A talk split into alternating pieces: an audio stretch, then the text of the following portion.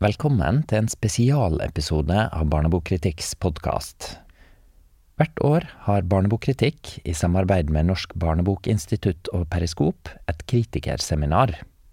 Årets ble avholdt 23. oktober i Oslo, på et tidspunkt der reglene bare var strenge, ikke kjempestrenge, så det var folk der. Men de få som fikk slippe inn, satt langt fra hverandre, og på begynnelsen fikk de utdelt hver sin penn som de måtte knuge på resten av dagen.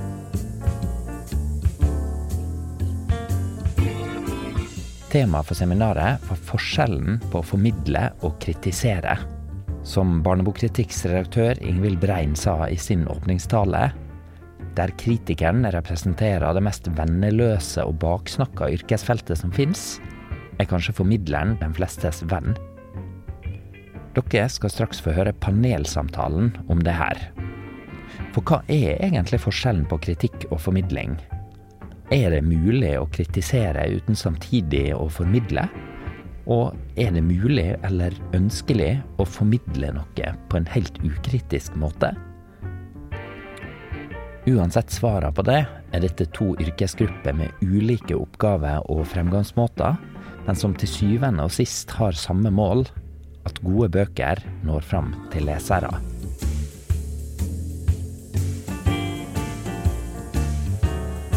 Nå går vi rett inn i starten av panelsamtalen, og den første du hører, er forteller Hilde Eskil.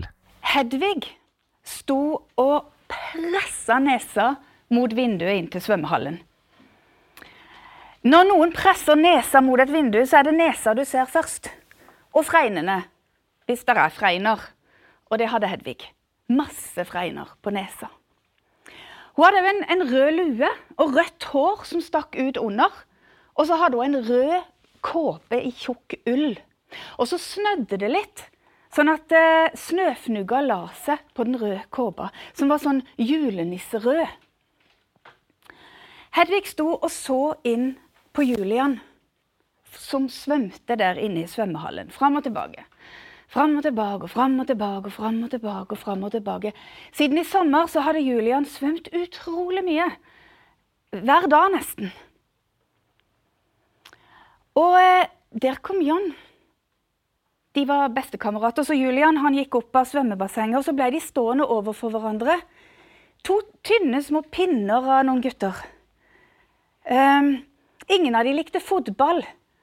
Men det var ikke derfor de var venner. De var ikke venner fordi de var små og ikke likte de samme som de andre. De var venner fordi de hadde så mye å snakke om. Det var akkurat som de trykka på en knapp hos hverandre, og så bare strømma orda ut. Fra de møtte hverandre om morgenen og til de måtte si ha det til hverandre når de skulle gå og legge seg. Og så lo de. De lo så masse at de trilla rundt på gulvet, og det var som om det kom perler ut av munnen deres sin. I hvert fall så hadde det vært sånn før. Før sommeren. Og nå sto de overfor hverandre, og det var ikke sånn. Det var tydelig at samtalen gikk tregt. Julian sto der og dryppa, og John sto liksom og, og slo armene rundt seg sjøl som om han ville gi seg sjøl en klem. Og så ble de vel lei av å stå der og dryppe og klemme seg sjøl, så de hoppa ut i svømmebassenget.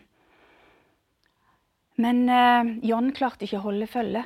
Selv om det egentlig var John som hadde begynt med svømming, og Julian som ble med. Men siden i sommer så hadde Julian svømt så utrolig mye mer.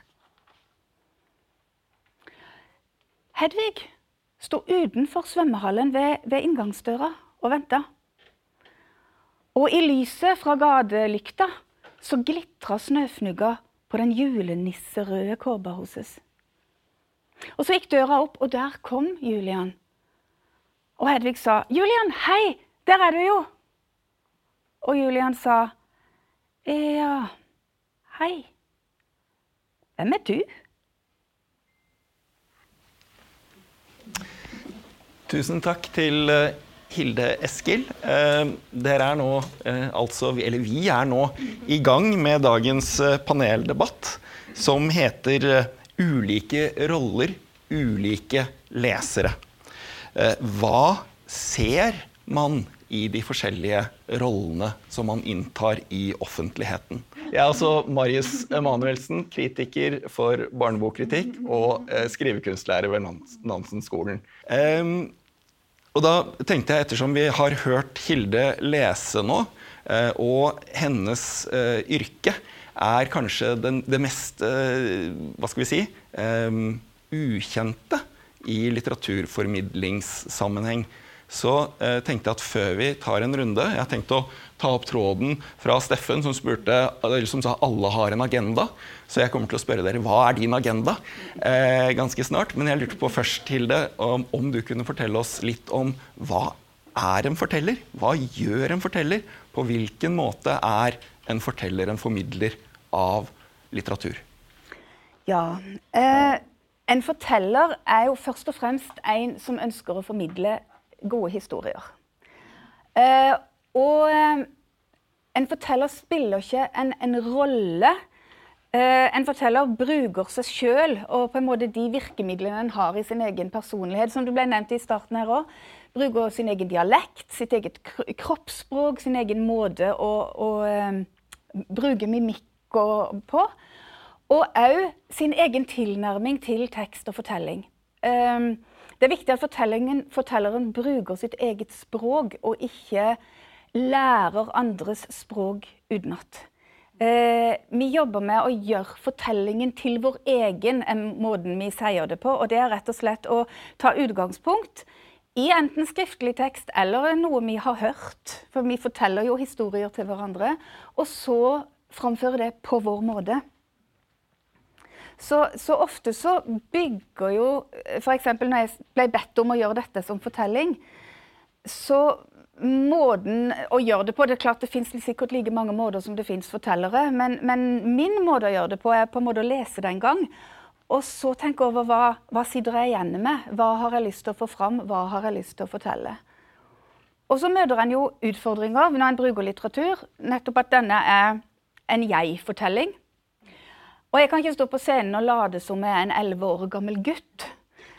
Eh, og, og har, for en forteller har ingenting mellom seg og publikum. Det er bare fortelleren. Hvis du står med en bok, så skjønner folk at om, om, du leser 'jeg', så er det ikke den som leser det handler om. Men når jeg står der uten noen ting og begynner å snakke om at jeg svømmer fram og tilbake i svømmehallen, så tror de at det er vi som svømmer fram og tilbake i, i svømmehallen. Iallfall en stund til jeg begynner å forklare. Så dermed så må en ofte Og ofte så er ting i presens. En, en um, forteller vil helst holde seg i preteritum og tredje person. Uh, så der kan en møte på, på, første utfordringen. da. Og da må en på en måte finne en, finne en, annen måte å gå inn i ting på enn en ville gjort hvis en skulle lese det høyt. Mm. Hvis jeg nå stiller deg dette vanskelige spørsmålet, hva er din agenda? Eh, som er et litt sånn aggressivt spørsmål, eh, som kommer da fra Steffens eh, introduksjon her. 'Alle har en agenda', sa han. Ja. ja. ja. det er klart jeg har jo det. Altså, jeg elsker å fortelle historier, og jeg har lyst til å fortelle historier. Så min agenda vil jo være å formidle en historie så bra som mulig. Og begeistre de som hører på. Sånn at en kanskje kan fortsette å fortelle historier og få jobber og bli brukt som formidler. Så agendaen er jo på en måte å få gjøre akkurat det. Å fortelle historier. Men òg å skape gode opplevelser, da. Mm. Hva skjer da, eh, bare for å følge opp litt, hva skjer da når eh, kanskje noen av elevene som du har eh, fortalt en historie for, oppsøker denne boka? Eh, er det det samme? Er det, eller, eller, blir det nedtur? Eh, det varierer. Eh, jeg har opplevd at jeg har fortalt fra en bok og de har kasta seg over den. Og så Nei, så kommer de og forteller at nei, jeg klarte ikke å lese den. For de har ikke likt språket, eller de har ikke likt fortellerstilen. Så det er blitt en liten krasj mellom måten jeg har gjort det på, og det de faktisk opplever, og den utfordring de møter når de leser. Men jeg tenker at det er jo en nyttig erfaring de gjør seg, da. At de blir nysgjerrig på en historie. Men hva er det som stopper de fra å oppleve den historien? Eh, og det tenker jeg det kan de lære noe av. Mm. Et siste spørsmål um, før vi går videre. Hva ser du etter når du velger ut hvilke, hvilke fortellinger du velger å uh, forandre, formidle, fortelle på den måten? Hva ser du etter i en tekst? Hva er det som gjør at du tenker at denne her, den kan jeg gjøre noe med? Åh, det er så utrolig vanskelig spørsmål. Altså, i, I fortellermiljøet så er det liksom et sånt munnhell som er at det, det, er ikke du som velger fortellingen, det er fortellingen som velger det. Og når jeg hørte det, så tenkte jeg ja, særlig. Uh, det, det, er litt sånn det er litt klissete. Ja, og litt klissete, syns jeg. Men, men det er jo Altså, en opplever jo at fortellinger appellerer til en, eller ikke. Og om de ikke appellerer, så betyr ikke det at de er dårlige. Det er bare De, de finner ikke noe klangbånd hos meg, da. Så, så jeg, En forteller tar jo utgangspunkt i seg sjøl og sin opplevelse av en fortelling. For det er en svær jobb å gjøre en fortelling til, til sin egen og skulle formidle den. Og da må det være nok der til at en orker å ta den jobben. Så jeg har ikke egentlig noe veldig tydelig svar på det. For det går rett og slett mye på følelser. Det kommer kanskje mer eh, etter hvert i samtalen. Mm. Jeg tenker at vi nå da kan ta et skritt til høyre, til redaktøren eh, Brynjulf. Eh, og spille, stille det aggressive spørsmålet igjen. Hva er din agenda? Og hva ser du etter i møte med en tekst? Ja, altså min agenda er jo faktisk å finne tekster som kan bli best mulig bøker. Altså, Samlaget får jo penger over statsbudsjettet for uh, mye av grunnen er rett og slett at uh, vi skal sikre at um, det kommer best mulig bøker til flest mulig barn. Også vi skal sikre kvalitetsbøker. Vi er breddeforlag. Kvalitetsbøker for barn fra 0 til 18 år. Så vi har en tydelig agenda der. Eh, og det gjør òg at eh, vi eh, tenker veldig lite på bestselgere. Sånn at når vi ser at andre forlag kanskje kutter ned på antall ungdomsbøker, så går vi heller inn der og ser at ja, men vi har For, for to-tre år siden så, så vi at vi har altfor lite realistiske ungdomsbøker for uh, unge jenter. Uh, nei, som handler med, med unge jenter i hovedrollen. da. Og da, Hvordan fant dere det? Nei, Vi så på utgivelsene de siste seks, sju, åtte årene og så at veldig mange ungdomsbøkene til Samlaget var spenningsbøker skrevet av godt voksne menn. Og dette var prisbelønte og prisnominerte menn, men vi mangla yngre kvinnelige forfattere som, som, skrev om realistiske bøker. Og dette begynte vi med for tre-fire år siden. og det det ga jo resultat. Denne våren så hadde vi litt tilfeldig da, tre uh, unge kvinnelige debutanter som skrev om å være ung jente. Uh, litt tilfeldig, og det har aldri skjedd i Samlagets historie. Så litt sånn jobber vi. Vi prøver å se at vi har mest mulig bredde. Det vi òg eh, ser, er jo at vi ikke har hatt seriebøker. Uh, spenningsseriebøker for 69 år som er gjennomillustrerte. Og da satte vi i gang prosjekt med Ruth Lillegraven og Jens Christensen og ga ut Klodeklubben. Um, så vi, vi, prøver hele tida å avdekke hva er det vi trenger, hva mangler vi, og hva har vi. Sånn at vi kan bygge opp uh, mest mulig kvalitet for flest mulig lesere i, i alle sjangre. Så det er jo min hovedagenda. Men så er det jo klart, én ting er på en måte å kartlegge og finne ut hva vi mangler. En annen ting er jo på en måte få disse bøkene, da, for de skal jo være gode bøker.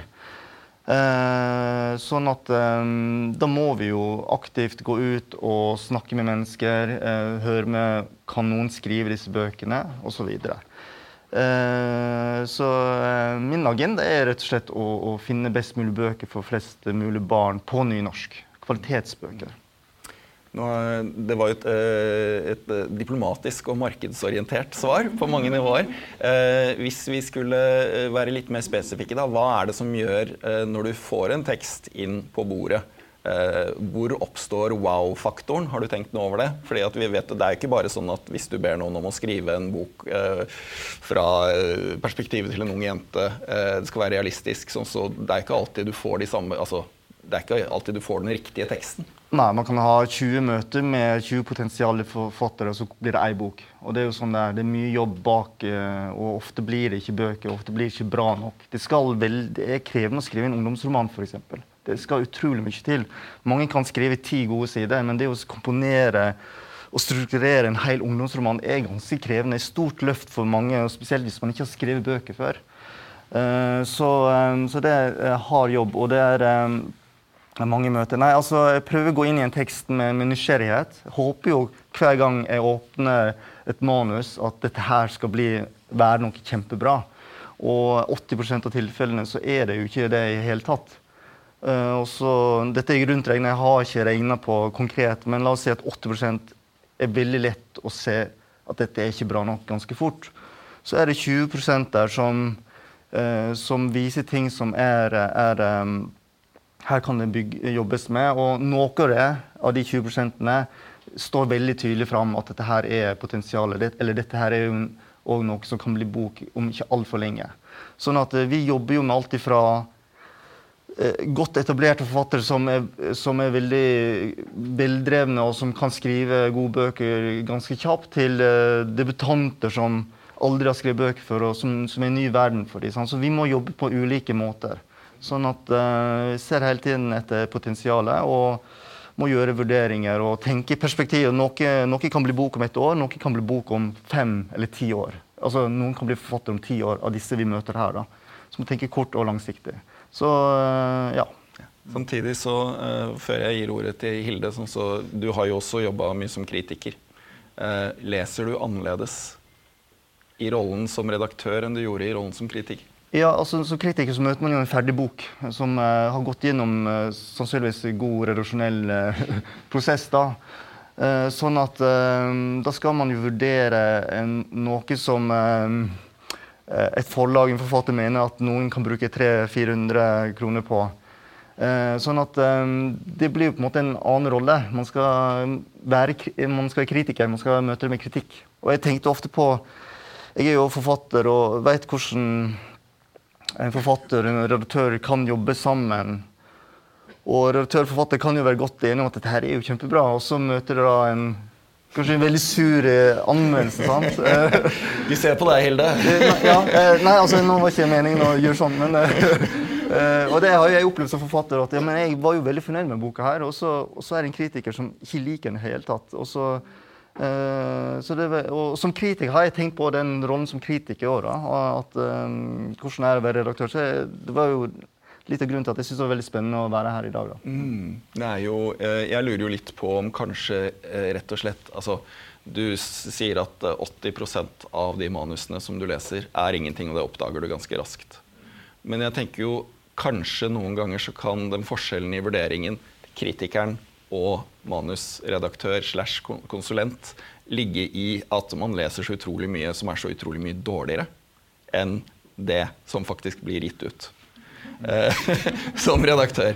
Og når man eh, er i den rollen, så ser man jo etter det som kan løftes fram. ikke sant? Mm. Det som kan bli noe. Ja. Mens kritikeren har jo et litt annet mandat. Kritikeren skal jo da eh, måle det ikke da mot den bunken mm. der, men mot de andre utgivelsene det året. Ja, ja det, det, er et godt poeng. Men vi, vi, vi, ser jo hele tiden etter bøker vi tenker er dette er veldig veldig bra. Altså, det er ikke bare i forhold til de 80 prosentene Eh, sånn at Vi har jo ikke fast antall at vi skal gi ut 15 bøker i år, og, og, så, og så, må vi fylle på. Vi, eh, vi, vi gir ut bare bøker vi syns er, er, veldig gode, selvsagt. Men så eh, vil jo en kritiker ha et annet blikk, og det, det syns vi er veldig nyttig. Da tenker jeg, Hilde Dybvig, eh, at eh, spørsmålet skal gå til deg. Hva er din agenda, og hva ser du etter i møte med en tekst? Mm. ja. Det er to forskjellige spørsmål. Agenda Jeg, jeg tenkte på det da, eh, da Steffen snakket. Hva er egentlig agendaen? Jeg tror at min agenda, eller det jeg ønsker mer av, er egentlig en sånn samtale om litteraturen som kommer ut.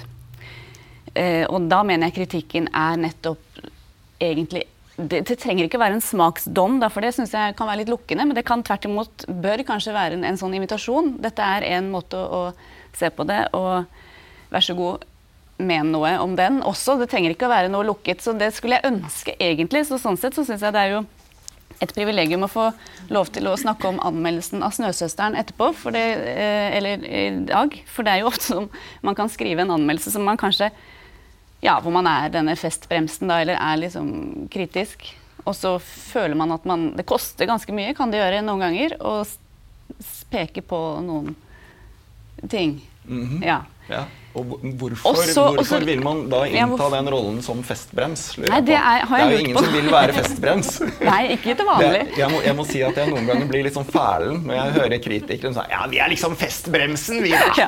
Vi Ja. kommer liksom og ja. tisser i Ja, ja, cocktail, ja. altså sånn, Ja. eh, i punchebollen. Og det er sånn uh, Ja. vi- Men jeg er jo, ja, nei, men det er jo, så, sånn sett så synes jeg det er jo et privilegium å få lov til å, å snakke om den anmeldelsen man faktisk har skrevet. Det, det er jo veldig sjelden man egentlig får anledning til. Det er veldig sjelden at den særlig hvis den er kritisk, at den blir delt i noe særlig grad. Da? De positive anmeldelsene får jo mer sånn, fordi det er jo hyggeligere, akkurat som eh, ble sagt her, hvis alle er glade og enige. Men det er ikke sikkert det er mer interessant Nei, om alle er enige. Som regel så er det jo mer interessant når det er litt dialog, litt mer friksjon i de samtalene, da. Men det er ikke meningen å være uhyggelig. Altså, man skal ikke være det for å, for, sin, for å være uhyggelig i seg selv. Det er jo ikke meningen. Nei. Ok, Men altså, Oppfølgingsspørsmålet hva ser du etter Ja. i en tekst? ja, og det har jeg tenkt på, for det spurte de meg også om på telefon. Og det syns jeg også er veldig vanskelig å si noe sånn Det kan jeg ikke si på forhånd. Altså hva jeg ser etter. Det handler, tror jeg, om å se på hvilken bok man har. Hva er det den boka prøver på? Og ikke prøve å anmelde en annen bok, ikke sant. Men eh, hva er det den gjør? Hva skal jeg se etter? Hvilke premisser skal jeg anmelde den boka på? Em, ja. Så det, er- men man kan jo alltid si at det er noen ting, noen sånne kvalitetsgreier som går inn. At den ikke er for belærende, at den ikke forklarer for mye, men viser mer. Altså en viss form for kompleksitet. Sånne ting kan man jo kanskje si. Men så er det det med barnelitteraturkritikk. Da? Barneleseren. Hva er det barnet Hvem er barnet på den andre siden? Hvordan kan vi vite det synes jeg er veldig interessant, hvordan kan vi vite hva barnet liker? Barnet som kanskje ikke er mer enn ett, to, tre år, hvordan kan vi egentlig vurdere kvalitet for dem? Ja. Da eh, tenker jeg at det er en sånn naturlig overgang til, til, til Ragnhild. Og her må jeg bare skyte inn at eh, da Ragnhild og jeg satt i, i Brage-jury sammen, så var jeg eh, representant for kritikerstanden, mens hun var eh, representant for formidlerne og bibliotekene. Og det jeg la merke til med en gang da, eh, Ragnhild, det er eh, var at, at du leste veldig annerledes enn meg. Fordi at når jeg hadde en bok jeg likte veldig godt, så sa jeg det der er sånn bok som er skrevet for kritikerne, sa du. Jeg er opptatt av leserne. Så hva er din agenda? Ja, eh, ideelt sett så vil jo jeg si at det er å hjelpe til å finne eh, rett bok til leseren som står foran meg. Eh, det er liksom idealet. Eh, jeg vil jo si at det kanskje ikke var der det begynte for meg. Eh, Når jeg begynte, så eh, ble jeg fort kjent fordi jeg var flink til å snakke i overskrifter. Veldig kjapp til å kunne Bra, dårlig, og her bør man gå hjem, og dette bør være annerledes og sånn. Men noe endra seg eh, i det at man da ble eh, jobba med ønskebok, vil jeg jo si var en veldig øyenåpner. Og heller da gå inn istedenfor hva er det jeg syns er flott? Hva er det jeg liker? Hva er det som appellerer til meg? Og gå inn med tanken at det finnes minst én leser for denne boka. Ellers hadde den ikke vært utgitt. Minst én leser. Og hva skal jeg si om denne boka for at den leseren skal finne den? Det er en helt annen måte å tenke på.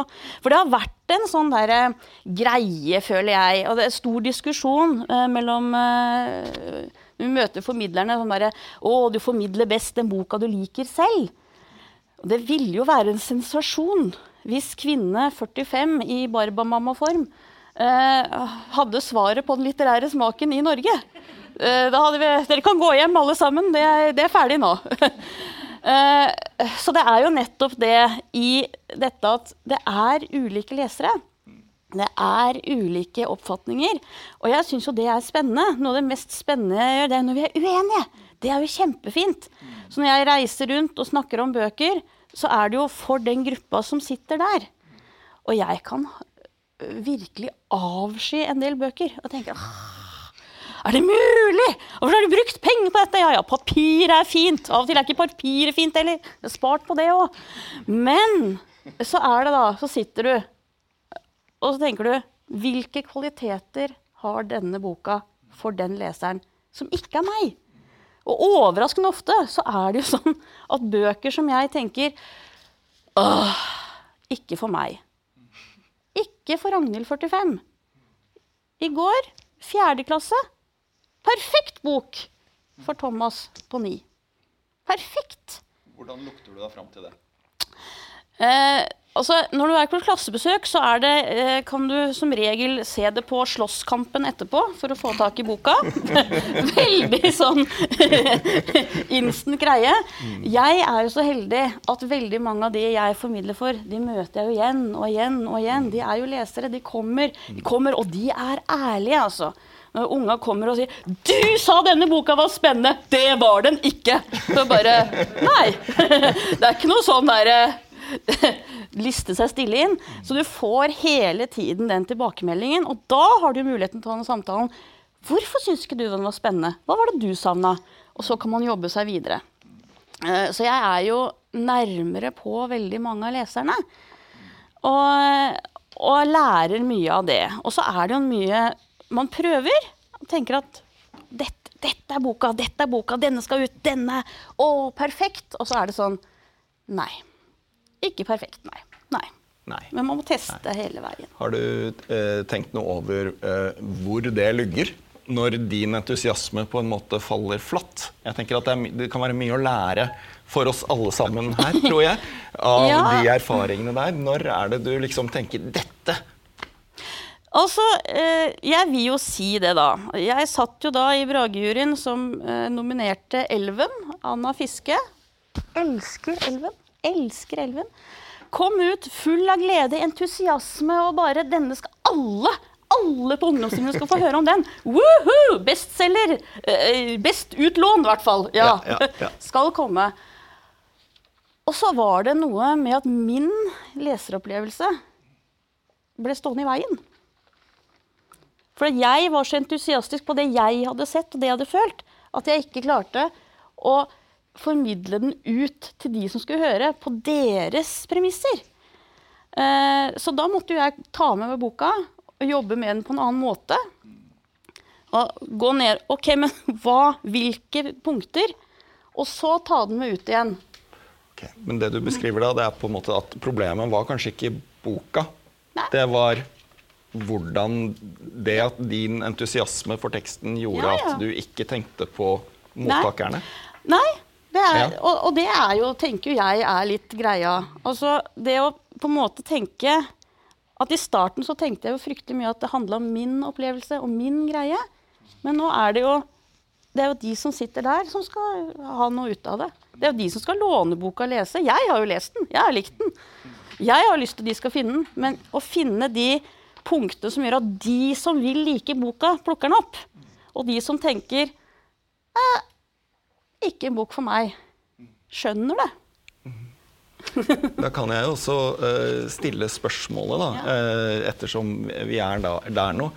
Om du, om du noen ganger ser, nettopp i rollen som formidler, hva det er som skal til for at disse, denne lesegruppen som du henvender deg til, og jeg skjønner at det er flere lesegrupper, mm, ja. uh, at hva er det i teksten som gjør at de bestemmer seg for ja, eller nei? Mm. Altså Hvis vi ser litt bort fra din personlige opplevelse, opplevelse, har du tenkt noe over det? Ja, jeg ser etter gode språklige bilder. Jeg ser etter stemninger. Jeg ser etter uh, uh, uh, ting som er i kontrast eller sammenheng med ting jeg har lest eller sett tidligere. Er dette noe som utfyller en annen tekst? Er dette noe man kan sette er dette noe som kan på en måte bygges sammen til noe. Eh, for, eh, for det syns jeg er det morsomt som jeg formidler. Jeg er jo ikke bundet av at det skal være det nyeste. Jeg kan sette sammen nydelig potpurri. Men eh, noe med teksten som gjør at jeg tenker det, det var et veldig der, Det var en veldig god beskrivelse. Den har jeg lyst til å se litt nærmere på. Mm er det, tenker jeg at vi snart skal åpne litt her. Da tenker jeg, Er det noe du tenker at uh, redaktøren uh, slash forfatteren, kritikeren eller fortelleren kan uh, lære av din måte å møte teksten på? Eh. Eh, jeg kan i hvert fall si noe om uh, noe ønsker. Jeg, ønsker. jeg ønsker meg veldig, veldig at man uh, jobber mye mer med baksideteksten. For den uh, må jeg si at, Nå var det mange som grep etter pennene sine her. at, at, veldig ofte så gir den uh, Den skal på en måte favne så mange at den favner ingen. Eller gir veldig falske forhåpninger, syns jeg. Ofte. Uh, og av og til så, så jeg har lest boka, kikker på baksideteksten og leser Er dette samme boken? Kan, kan, det virkelig stemme? At, at det er det samme. Og jeg tenker det er heller ikke farlig å spisse den mot de du tenker Dette er det, det essensen her. Uh, jeg tenker det er mye bedre at man da venner seg til at man kan stole på det som står bak på boka, og tenke det er en mulighet for å, uh, for å, hente ut litt. Så er det jo da dette med eh, å formidle den boka man Eller kritisere den boka man har. Eh, for jeg syns jo ofte man blir opptatt av hva andre har gitt ut. og så skjønner jo jeg at kanskje ikke i Periskop og NRK, og sånn, hvor man på en måte har litt Eh, men eh, tenker av og til eh, og det sier jeg med et smil til Guri Fjellberg, at for å selge inn en frilanstekst, så blir kanskje tittelen spissa såpass at det overskygger for resten av innholdet. Og jeg skjønner jo på en måte at man ønsker, at man ønsker å selge inn, at da må den spisses. men Samtidig så må det jo ikke overskygge hva det egentlig er, da. Tenker jeg. Og fortellere vil jeg gjerne høre mer av alle steder. For jeg syns det, det, er en helt annen inngang inn i bøkene. Og jeg bruker jo litt av det når jeg er ute og formidler. Forteller i Ikke så fint riktignok, men kan gjenfortelle scener og sånn. Mm. Som inngang. Mm. Mm.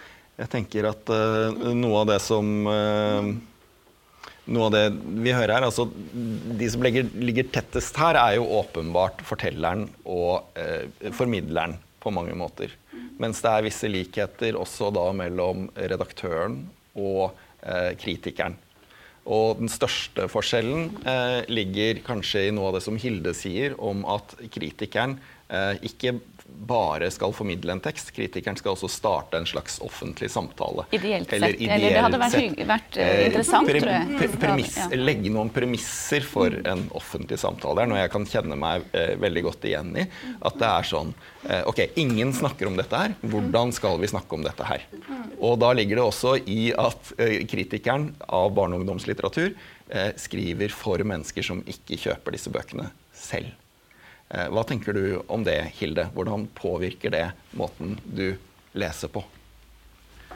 Spør du ja, meg nå? Jeg spør deg, Hilde. Altså, bare, ja, Hilde hvordan påvirker det at du vet at du ikke nødvendigvis skriver for dem som skal lese, kjøpe boken ja, for egne boka, penger, ja. eller gå og låne den på biblioteket? Ja, nei, det, jo, det, er jo en del av det. At man gir en vurdering av en bok. Er den er den verdt? Er den, anbefaler mannen? Det er jo en del av det som er i en kritikk. Men det er jo ikke bare, tenker jeg eh, hvert fall ikke der hvor jeg skriver kritikk, så er det ikke snakk om sånn forbruksveiledning. Det er ikke det som er kritikken jeg, Min funksjon, tenker jeg, når jeg skriver kritikk. Det er jo, eh, som jeg sa egentlig, å ja, det er jo ikke sånn, Man skal ikke synse, som Ingvild sa i begynnelsen. Det er ikke synsing, men det som jeg liker godt med kritikksjangeren da Jeg skriver jo også litt mer sånn akademisk eh, analyse som litteraturforsker. Som ingen barn kommer til å lese? Nei, nei, aldri. Nei, det er sikkert ingen, nesten ingen voksne heller. Men, men altså, hvor man har lov til å være subjektiv, da, ikke sant? uten å, å synse, men man er subjektiv, og man er også faglig. Så det baserer seg jo på tolkning og analyse, en kritikk. Så det er ikke det er ikke sånn vilkårlig synsing, men man er likevel subjektiv. Og det liker jeg veldig godt. Man kan bruke seg selv og likevel ha en sånn faglig tilnærming til litteraturen.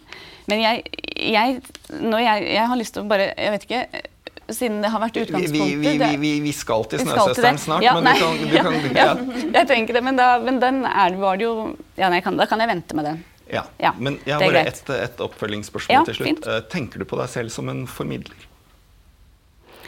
Ikke når jeg er kritiker. Eh, Ikke primært, eh, egentlig ikke. Men noen ganger selvfølgelig, hvis, vært, hvis, har, hvis jeg har lest, anmelder noe jeg syns er helt fantastisk, så tenker jeg jo at dette er jo hyggelig om folk leser.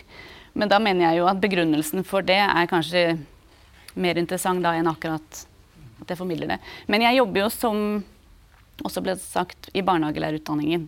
Og da underviser jeg jo i barnelitteratur.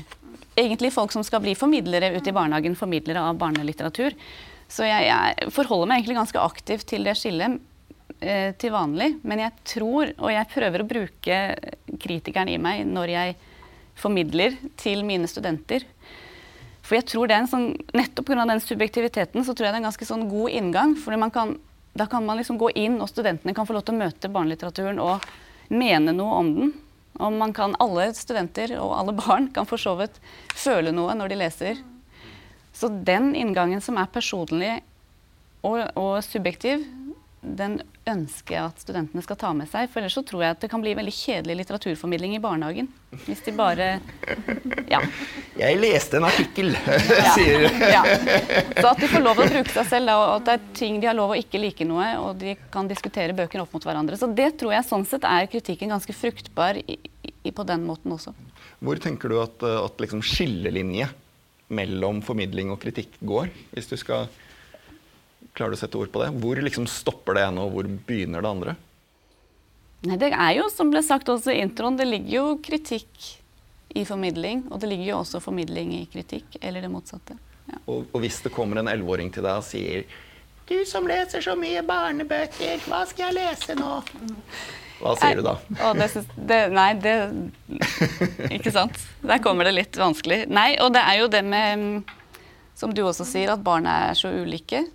Um, og det er vanskelig å vite, og, det, og kvalitet for barn. Kvalitet for barn og unge. Alle er jo enige om at det er det man ønsker å gi dem det, men det er sikkert ikke så farlig om, de også, om alt de leser ikke er høy kvalitet. Tvert imot, det er sikkert bra at de får, eh, de får gjort seg opp sin egen mening. ikke sant?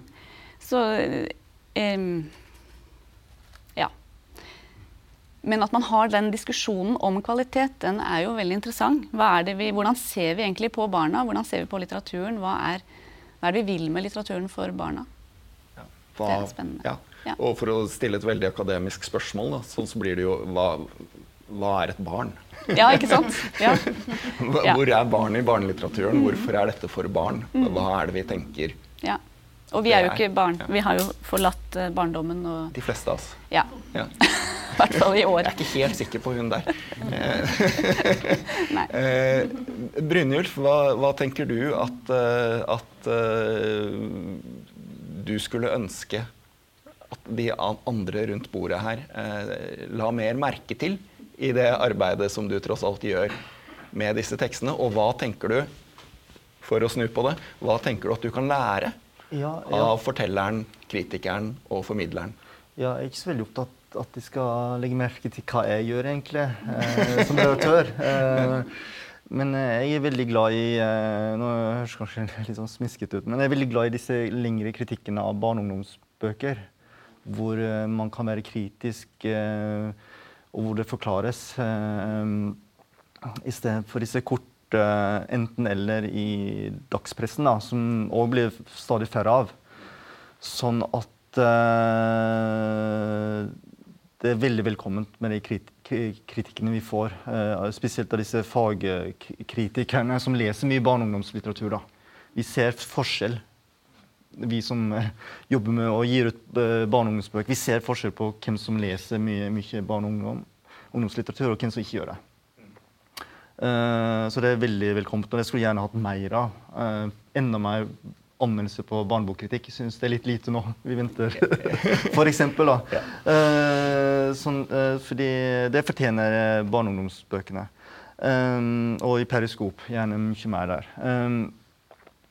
Men hva jeg kan lære, det er sikkert veldig mye. Jeg, jeg har egentlig lært å være redaktør gjennom å være forfatter, og da forholde meg til redaktør. Og gjennom å være kritiker. Lest masse. Og gjennom å skrive sjøl. Jeg, jeg har jo ikke studert litteraturvitenskap. Jeg er sikkert eneste redaktøren i norske forlag som ikke har studert eh, litteraturvitenskap. Det er ikke så mange jobber for folk som studerer litteraturvitenskap, skal jeg si deg, så det er Nei. ikke noe rart at de går dit. Og så har jeg tatt den ene av de jobbene. uh, så jeg er den minst utdanna forlagsredaktøren i Norge. Men sånn at jeg må stole på egen smak og hva jeg på en måte har, at jeg har lest masse opp gjennom årene. Så på en måte så har jo jeg jobbe meg opp som å lese bøker, prøve å finne bøker som treffer meg. Og dette med å lese masse dårlig ja, jeg las, jeg, For først las jeg ikke så veldig mye da jeg var liten, for jeg hadde ikke noe forhold til litteratur. Men jeg las masse dårlige ting. Jeg las jo 'Hardeguttene', f.eks. Det var min favorittbok da jeg var men så opparbeider man seg jo smak, og man blir interessert etter hvert. Så jeg tror det viktigste for uh, barn er at de får tilgang til bøker og finne bøker. Uh, og det er derfor vi i Samlaget prøver å lage bøker i ulike sjangre for ulike målgrupper. Um, og prøve å ha en bredde der. Si at formidlere uh, uh, skal kunne finne bøker til, til, uh, til, barn og ungdom. For vi er utrolig avhengige. For, for, mange av bøkene våre selger jo ingenting nesten ute i, i bokhandel. Sant? Vi er avhengige av formidlere, vi er avhengige av bibliotekarer som, og, som finner bøker hos oss. da. Mm. Så, så, og det at vi òg får tilbakemeldinger, det, det lærer vi av. Så vi, vi har my, mye å lære. Ja. Har det forandret uh, hvordan du skriver bøker selv? Og uh, jobbe mer hands on? Ja, jeg, altså, jeg synes, etter begynt som forlagsredaktør for barn og unge, så syns jeg det er kjempevanskelig å skrive bøker for barn og unge. Så uh, jeg, jeg, var i et manus, og så skifta jeg, og så skrev, skrev for, når jeg skriver på voksne, syns jeg det er mye lettere. Ja. Mm. mm.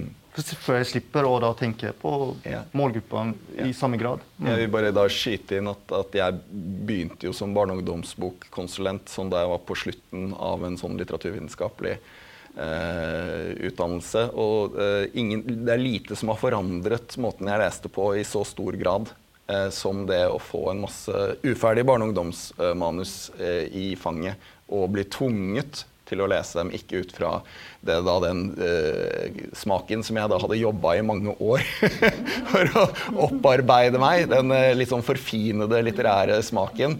Eh, og så eh, da å begynne å tenke ok, men eh, dette skal være en bra tekst for noen. Den skal funke. Og hva er det som skal til for at den skal funke? Eh, så no more French post-structuralism. so, men eh, da vil jeg tilbake til deg, Hilde. Vi starta jo eh, med eh, deg og din lesning Ikke lesning, unnskyld. fortelling fra, eller av 'Snøsøsteren'. når du sitter og hører på kritikeren, formidleren, redaktøren rundt bordet her, hva, hvordan tenker du da om det de gjør, i forhold til det du gjør? Altså, det jeg har og tenkt på nå, er at egentlig så er det jo interessant å ha en forteller her. fordi at opprinnelig så er bok og muntlig fortelling konkurrenter. Eh, når, når, lesekunnskapen bredde seg, så forsvant jo den muntlige fortelling gradvis. Og så hadde jeg jo tenkt på at jeg, eh, glemte egentlig det nobleste da når jeg skulle si bare eh, agendaene mine. og det er det å være en del av en muntlig tradisjon. Det klart, det ligger i bånn for alt jeg gjør. Det der å føre det, det muntlige videre. Eh, og den opplevelsen det gir. Eh, men nå er det jo sånn at eh, der florerer jo ikke vi fortellere på gatehjørner og markeder lenger. Sånn at vi er nødt til å ha et samarbeid med, med litteraturen. Nå hørtes det ut som det var veldig motvillig. Det er det overhodet ikke.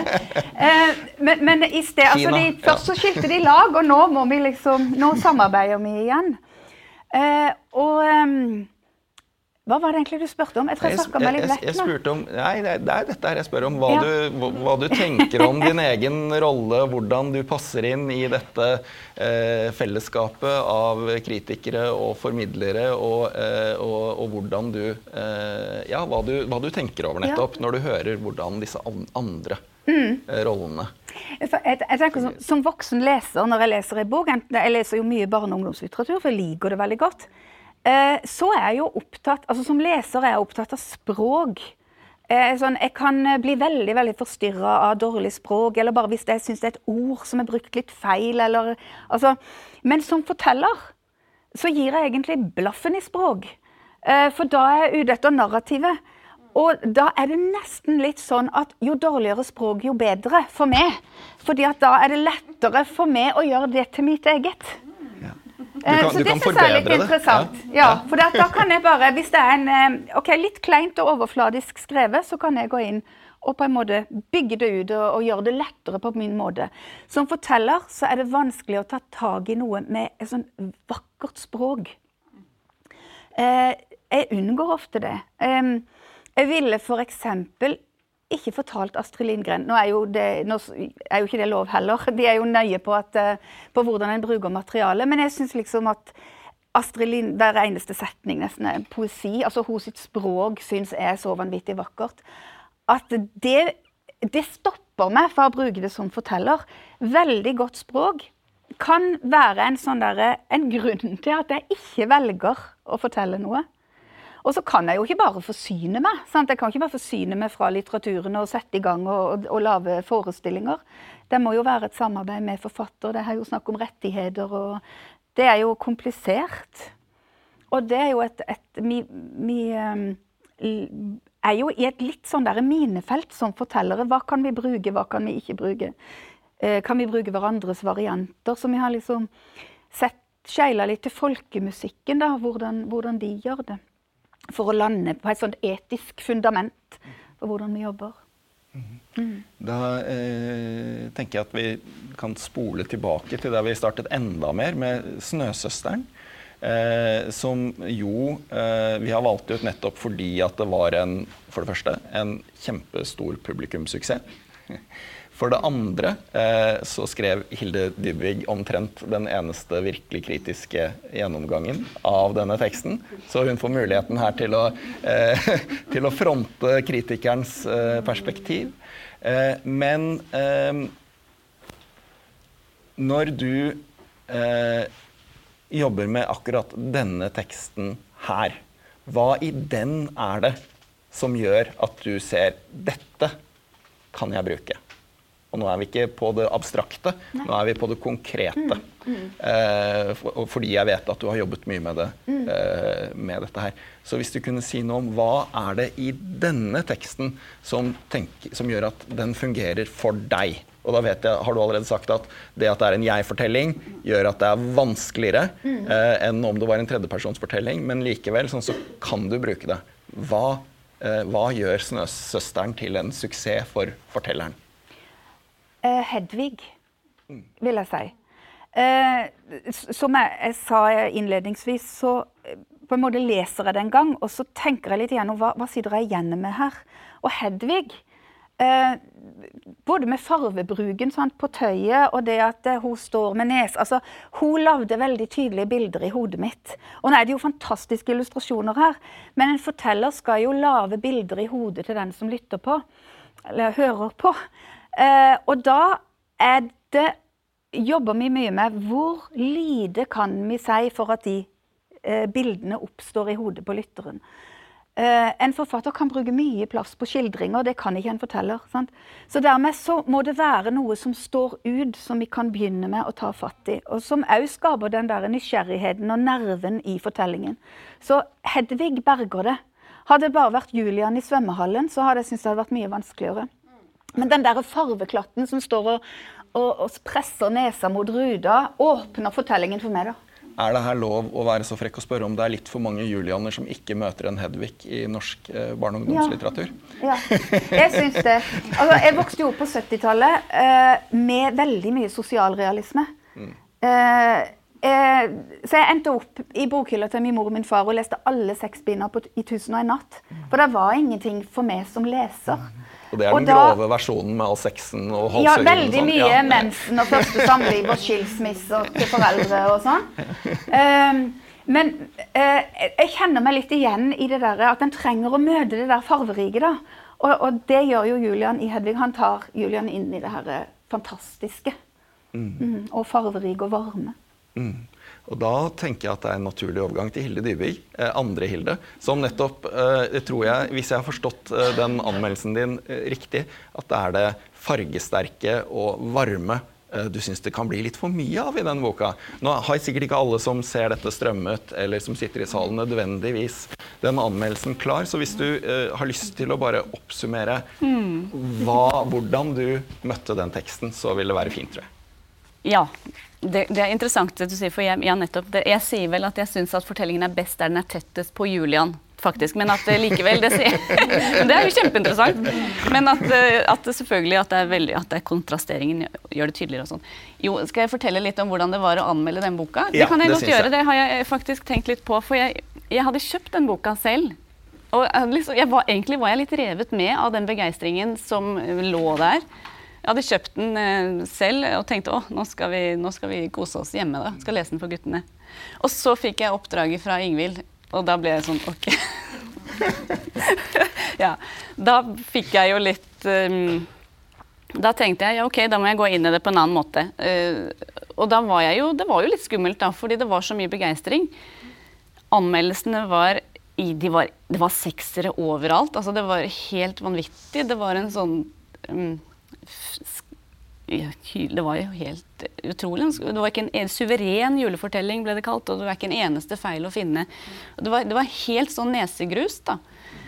Og da blir man jo kanskje litt skeptisk eh, sånn i utgangspunktet, litt sånn i ryggmargen, men hva Men det er ikke, ikke, for å bli det, men ja. Er det rett og slett sånn at det blir litt lite plass til en kritiker Ja, Nei, det er så og, Men i tillegg til det, ok, så var anmeldere var positive.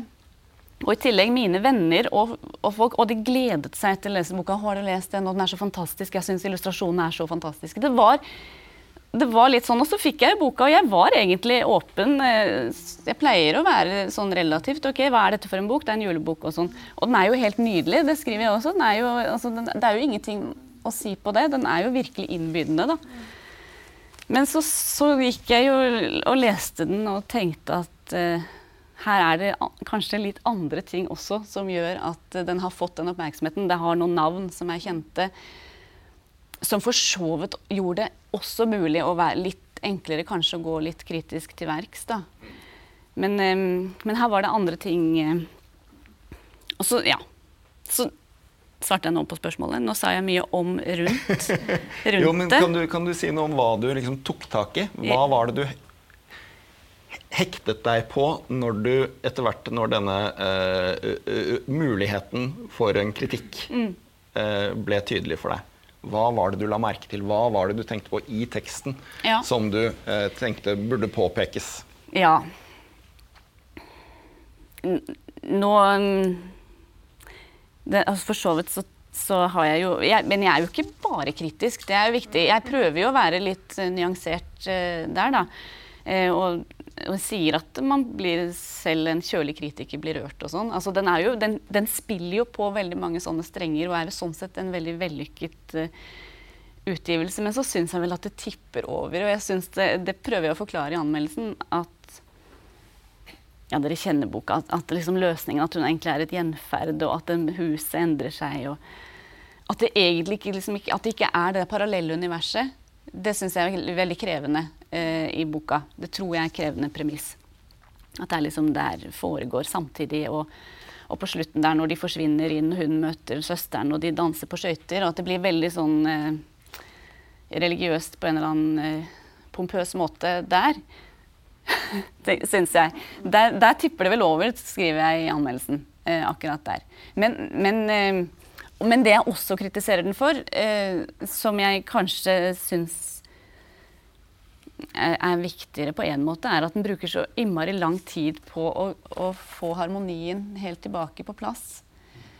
Og det ble omtalt som en julekalenderbok med 24 kapitler, mens det er jo ikke 24 dager. Det er en uke, Nei, er det ikke? Det er en uke. Ja. Mm.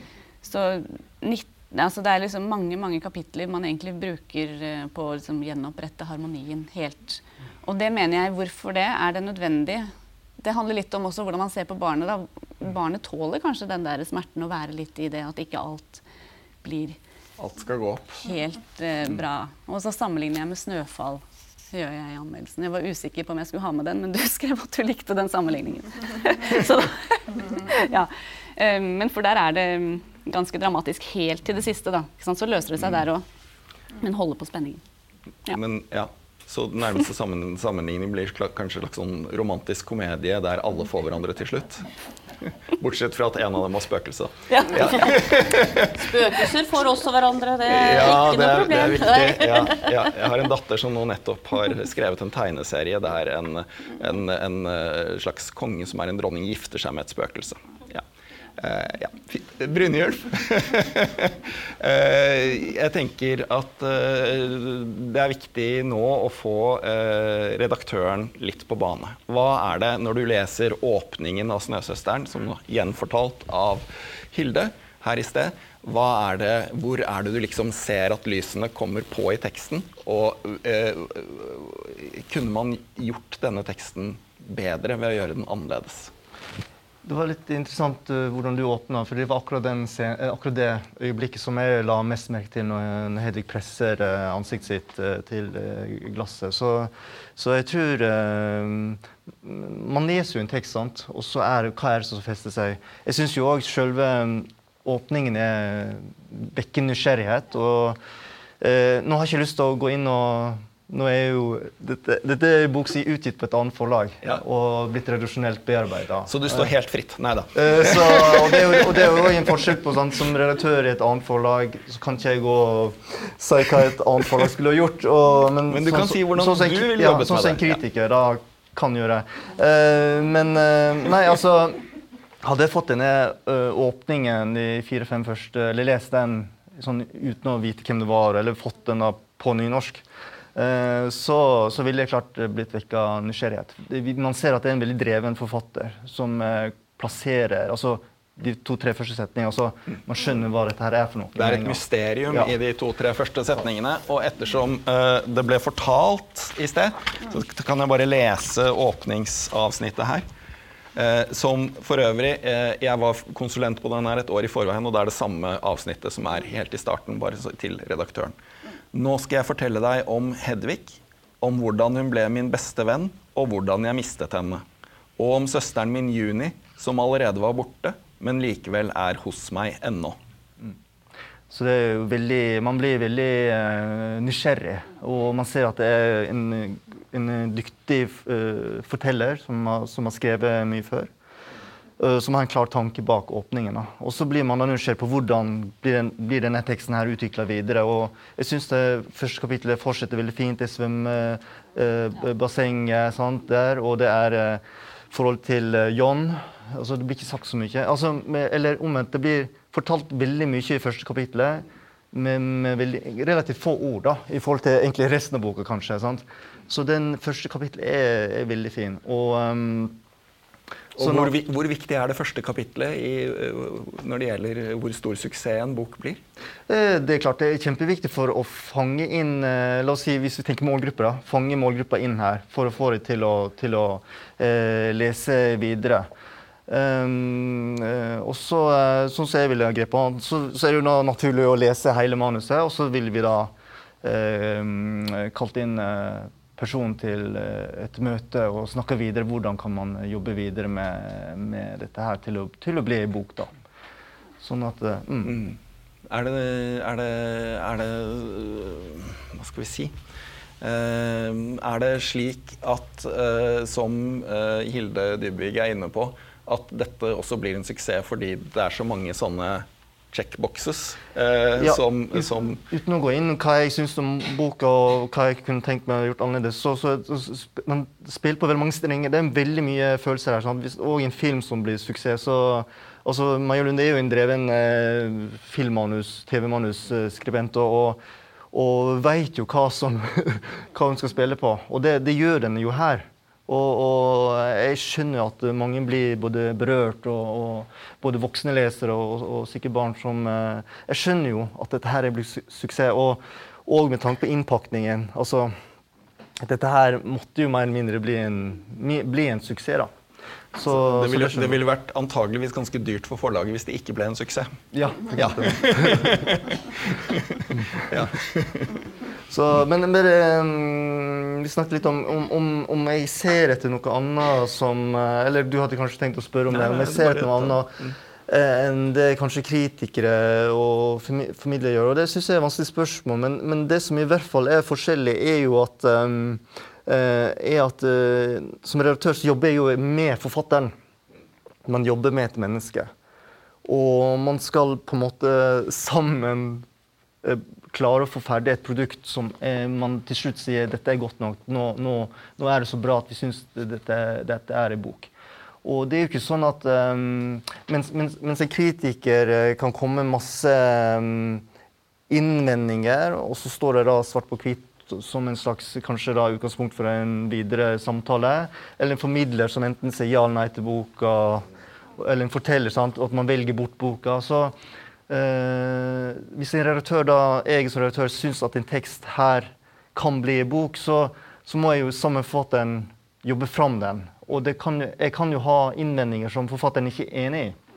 Og, og, eh, det har jo hendt, uten at jeg vil peke på det, at det har jo hendt at uh, ting som en forfatter ikke vil ha med, så peker jo kritikeren kanskje på det.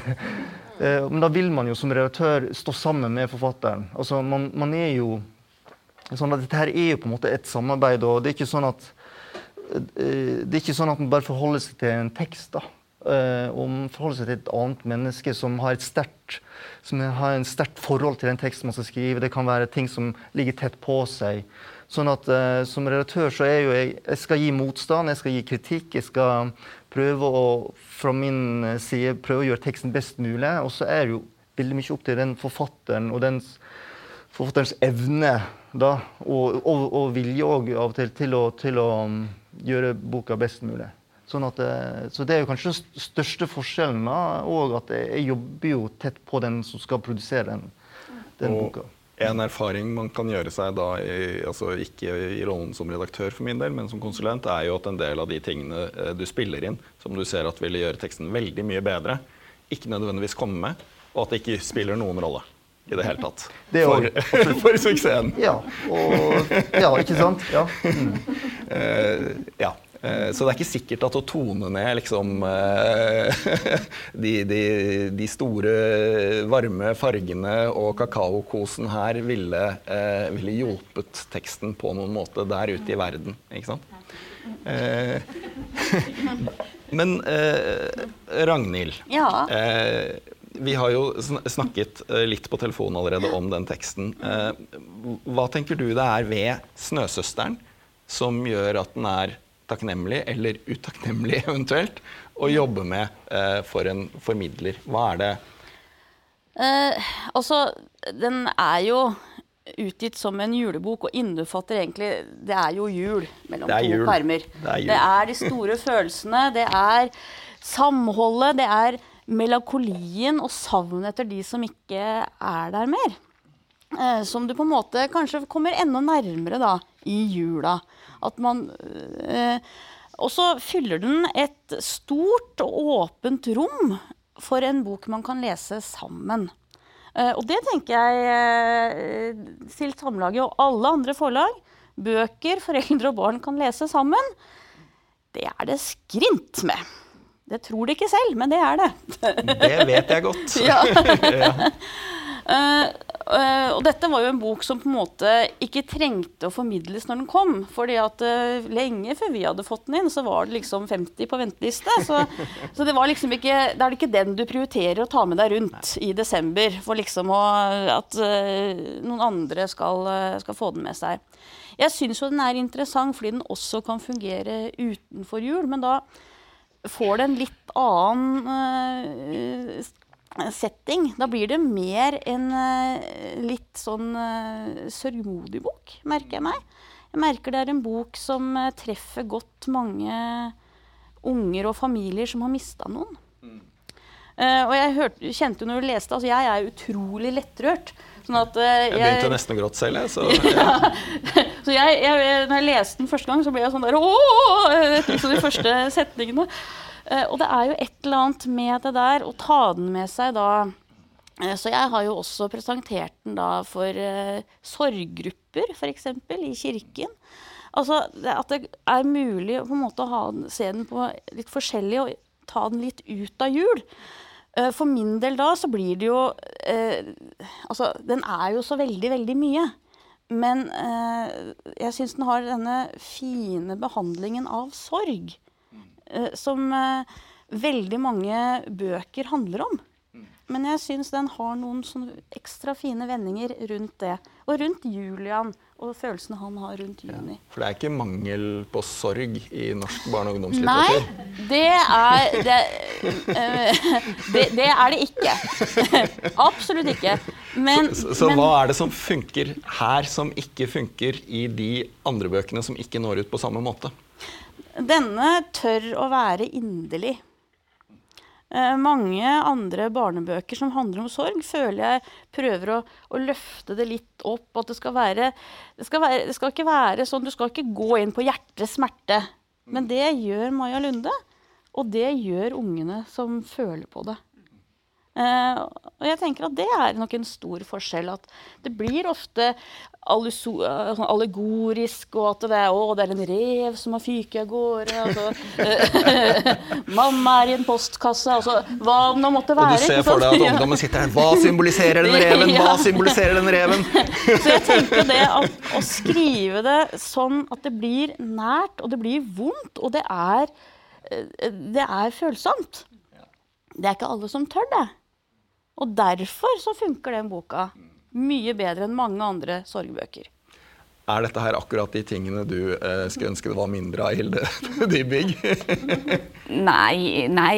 Altså, nei, jeg, nei da, jeg, jeg syns egentlig ikke det. Det var ehm, Nei, egentlig ikke. Fordi jeg skriver jo også det at det kontrasterer veldig tydelig, og lys og mørke, og det forsterker hverandre. Og akkurat jula som bakteppe. Det er jo helt sant. Når det er jul, så tenker man jo på de som ikke er med oss, og sånn. Og sånn er det jo. Så det er jo veldig sånn eh, godt gjort, det. Men jeg mener at det er viktig å snakke om altså kan man tenke Det var nesten ikke noe vits med en anmeldelse av en sånn type bok, fordi alle uansett leser den. Men eh, jeg mener jo det er nettopp viktig å snakke om eh, det folk eh, le, vil ha. Ja, det er det tittelen er. Ja, det folk leser, da, og det folk er opptatt av. Så det mener jeg jo er, er eh, viktig, selv om synliggjøringen ikke var nødvendig på denne, da.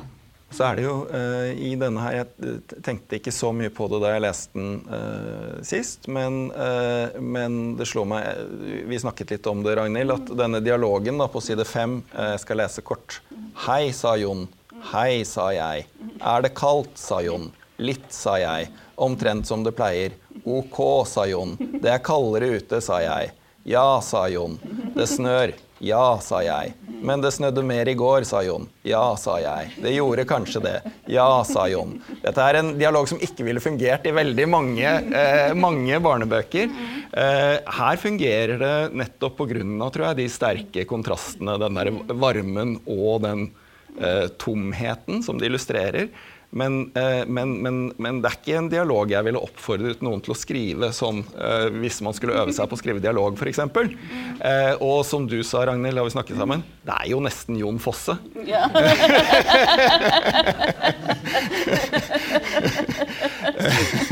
da, da lurer jeg på om jeg bare skal spørre, Er det noen siste ord før vi gir ordet til, til ja, tilhørerne våre? Er det noe dere føler at dere brenner inne med? Eh, Jeg tenkte litt på det, det, det sentimentale. Um, ja, og det, det, tenk, det, må jeg vurdere hele tida, merker jeg. For jeg er litt redd for det sentimentale sjøl. Jeg har ikke lyst til å bli en sånn der litt flagrende farverik tante, liksom. Um, så, så, det å, å, å, behandle det sentimentale syns jeg er, er vanskelig. Men jeg oppdager mer og mer at jeg behøver ikke være så redd for det. Fordi at folk liker det. De, de liker at det skjer noe med følelsene de sine. Og så er det nå, nå på en måte det sentimentale møter akademia, da, og en skal på en måte heve seg over det og se, se mer kritisk på ting. Hvor havner det sentimentale da? Da kan en fort Ja. Um, men, men, jeg syns det der sentimentale er interessant her. Og jeg syns uh, bildene i denne boka syns jeg er De snakker veldig høyt, på et vis. Eller er, veldig tydelig. For jeg merker når jeg leste den, at jeg uh, ble litt utålmodig med teksten noen ganger, men ikke med bildene. Så på et punkt så slutta jeg å lese, og så bladde jeg videre og kikka på bildene. For de, de gjør noe med følelsene våre og underbygger det derre syns jeg, det, det sentimentale og, og, det varme og um, alle følelsene her.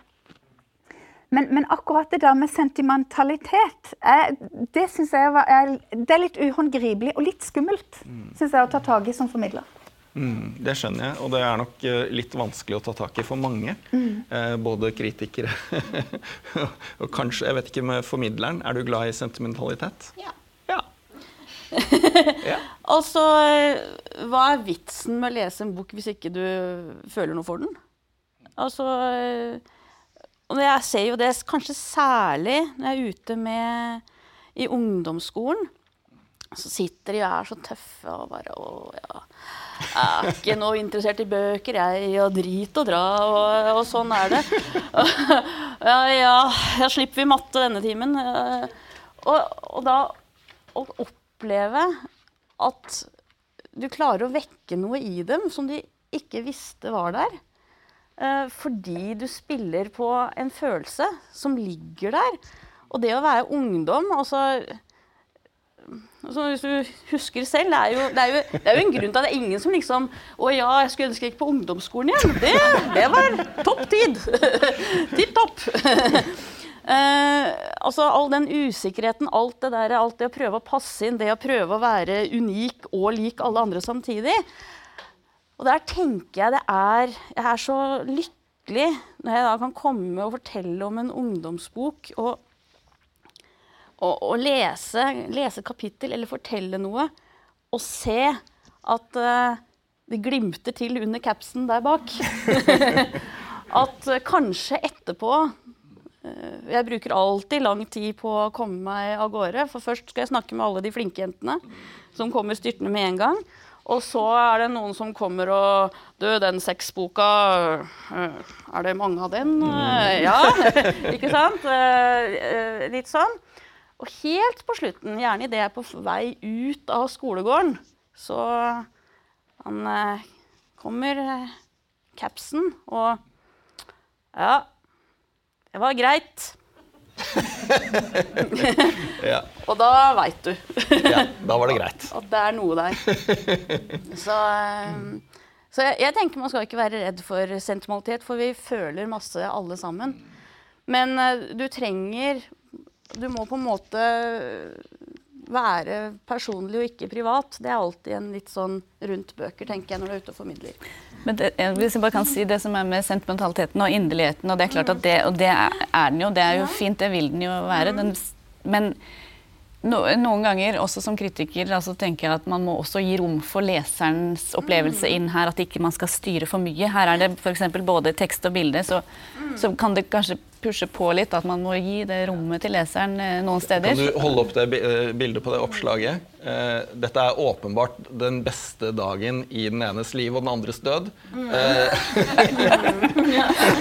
ja, så her, her mener jeg jo Og det er ingen, ingen forsøk på å skjule det i teksten. Nei, Nei ikke sant. Her er, så her er det litt sånn um, kanskje men Jeg skjønner jo at det er meningen, altså, for all del. Men jeg tenker at her kan man også gi litt rom for leserne.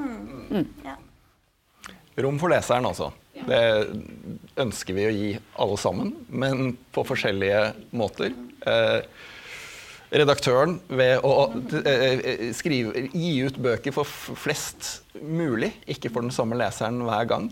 Eh, det er av det samme du har snakket om, eh, Ragnhild. At hver, det må finnes en leser for hver bok. Ja. ja.